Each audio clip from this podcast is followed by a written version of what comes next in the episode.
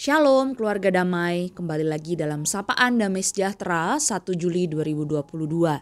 Mari sebelum kita merenungkan firman Tuhan, kita mempersiapkan hati datang kepada Tuhan. Mari kita bersatu di dalam doa.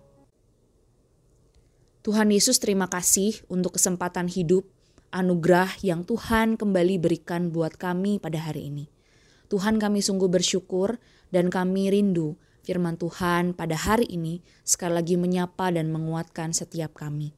Terima kasih Tuhan Yesus, berbicaralah kepada setiap, setiap kami dan mampukan kami untuk mengerti kebenaran firman-Mu. Di dalam nama Tuhan Yesus kami berdoa. Amin. Bapak Ibu Saudara, tema perenungan firman Tuhan kita hari ini adalah pelayanan kasih yang nyata. Dan firman Tuhan yang terambil terdapat di dalam 2 Korintus 8 ayatnya yang pertama hingga ayatnya yang ketujuh. 2 Korintus 8 ayatnya yang pertama hingga ayatnya yang ketujuh, demikian bunyi firman Tuhan. Pelayanan kasih. Saudara-saudara, kami hendak memberitahukan kepada kamu tentang kasih karunia yang dianugerahkan kepada jemaat-jemaat di Makedonia Selagi dicobai dengan berat dalam berbagai penderitaan, sukacita mereka meluap dan meskipun mereka sangat miskin, namun mereka kaya dalam kemurahan. Aku bersaksi bahwa mereka telah memberikan menurut kemampuan mereka, bahkan melampaui kemampuan mereka. Dengan kerelaan sendiri, mereka meminta dan mendesak kepada kami supaya mereka juga beroleh kasih karunia untuk mengambil bagian dalam pelayanan kepada orang-orang kudus. Mereka memberikan lebih banyak daripada yang kami harapkan. Mereka memberikan diri mereka pertama-tama kepada Allah, kemudian oleh karena kehendak Allah juga kepada kami. Sebab itu kami mendesak kepada Titus supaya ia mengunjungi kamu dan menyelesaikan pelayanan kasih itu sebagaimana ia telah memulainya. Maka sekarang, sama seperti kamu kaya dalam segala sesuatu, dalam iman, dalam perkataan, dalam pengetahuan, dalam kesungguhan untuk membantu dan dalam kasihmu terhadap kami, demikianlah juga hendaknya kamu kaya dalam pelayanan kasih ini. Sedemikian jauh pembacaan firman Tuhan kita hari ini. Bapak Ibu Saudara, firman Tuhan yang kita baca pada hari ini memberikan satu wujud nyata, hal konkret tentang pertobatan. Pertobatan bukan hanya menyangkut perilaku moral, pertobatan juga tampak ternyata di dalam hubungan-hubungan sosial dan komunal. Dengan demikian, buah pertobatan berjalan searas dengan buah iman dan kasih, yaitu dalam bentuk perhatian dan kepedulian yang nyata kepada orang lain. Berbagi adalah kata yang mungkin mudah diucapkan, tetapi sulit dalam pelaksanaannya. Bapak, ibu, saudara, dalam bacaan ini Paulus mendorong supaya jemaat di Korintus mau mendukung pelayanan jemaat di Yerusalem. Paulus terlebih dahulu memberikan contoh kondisi jemaat yang lain, yaitu jemaat Makedonia yang hidup menderita dan sangat miskin dalam harta. Tetapi justru di dalam hal kasih, mereka sangat kaya. Mereka dapat memberikan bantuan yang melebihi kemampuan mereka. Kemudian Paulus juga mengingatkan di jemaat Korintus bahwa mereka adalah sebenarnya jemaat yang kaya di dalam segala sesuatu, maka seharusnya juga kaya di dalam berbagi kasih. Jemaat Kristus telah memperbaharui komitmen mereka melalui pertobatan. Paulus pun kemudian mendorong setiap jemaat untuk selangkah lebih maju, yaitu dengan mengikuti teladan jemaat-jemaat di Makedonia. Mereka yang termasuk di dalamnya adalah jemaat di Filipi, Tesalonika, Berea, dan lain-lain. Mereka telah menunjukkan kemurahan hati dengan memberikan dukungan dana kepada orang-orang percaya yang miskin di Yerusalem. Kemurahan hati mereka benar-benar nyata dan terjadi karena anugerah Allah. Meskipun mereka sendiri sedang menderita di dalam kesulitan.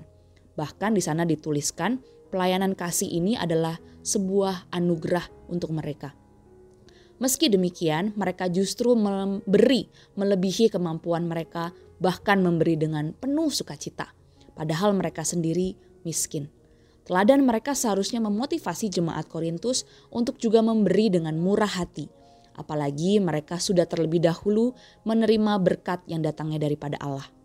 Oleh sebab itu Paulus berharap agar jemaat di Korintus termotivasi karena melihat teladan Kristus.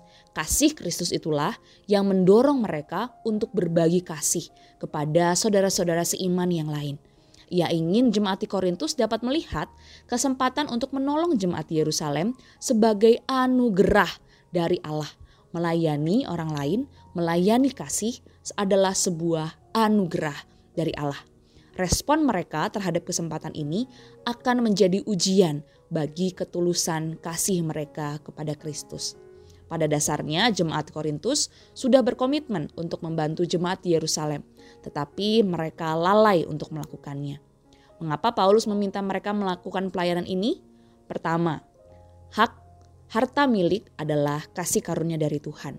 Jika kita mampu memberi, itu adalah anugerah. Karena belum tentu semua orang bisa memberi. Yang kedua, memberi harus belajar dari apa yang Tuhan telah lakukan yaitu Kristus yang kaya menjadi miskin, agar kita yang miskin menjadi kaya di dalam anugerah Allah. Dan yang ketiga, memberi harus atas dorongan kasih, bukan karena perintah, paksaan, atau bahkan ingin menarik perhatian bagi diri kita sendiri. Dan yang keempat, pemberian kita dimaksudkan supaya ada keseimbangan, yaitu tidak berlebih dan tidak kekurangan. Dan di antara sesama tubuh Kristus ada kerinduan untuk saling melengkapi. Bapak Ibu Saudara dari jemaat Makedonia, kita perlu belajar bahwa memberi bukan semata-mata karena kita kasihan kepada orang lain.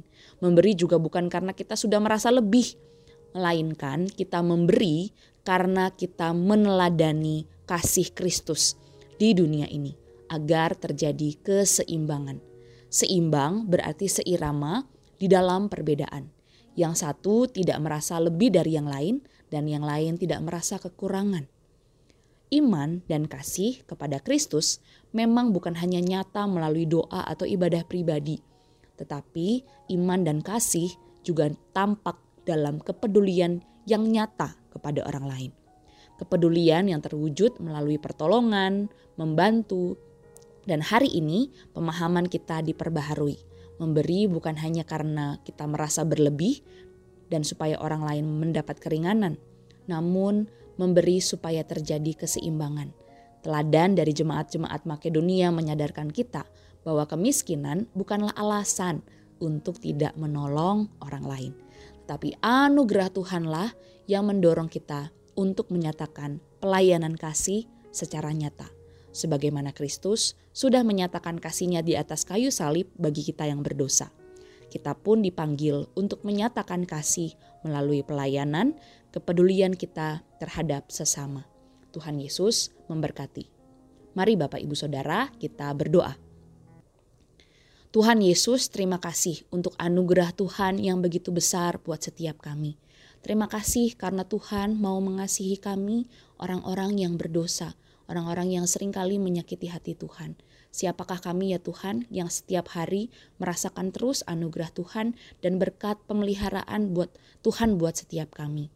Oleh sebab itu ya Tuhan, kami yang sudah merasakan anugerah dan kebaikan daripada Tuhan, kami hari ini belajar untuk kami tidak menjadi orang-orang yang egois, yang hanya mementingkan diri kami sendiri, tidak menganggap diri kami sebagai orang yang harus dilayani, melainkan kami melihat orang-orang di sekitar kami, sesama tubuh Kristus, bahkan orang-orang yang belum percaya untuk kami layani, sebagaimana Kristus sudah melayani kami, sebagaimana Kristus sudah meneladani kami, memberikan nyawa buat setiap kami. Bahkan Engkau mau meninggalkan segala sesuatunya untuk menyelamatkan kami. Tolong kami ya Tuhan untuk bisa melakukan pelayanan kasih yang nyata di dalam kehidupan kami. Dan biarlah Allah Roh Kudus terus ingat-ingatkan kami supaya kami memuliakan Tuhan lewat kehidupan kami. Terima kasih Tuhan Yesus. Di dalam nama Tuhan Yesus kami berdoa dan mengucap syukur. Amin.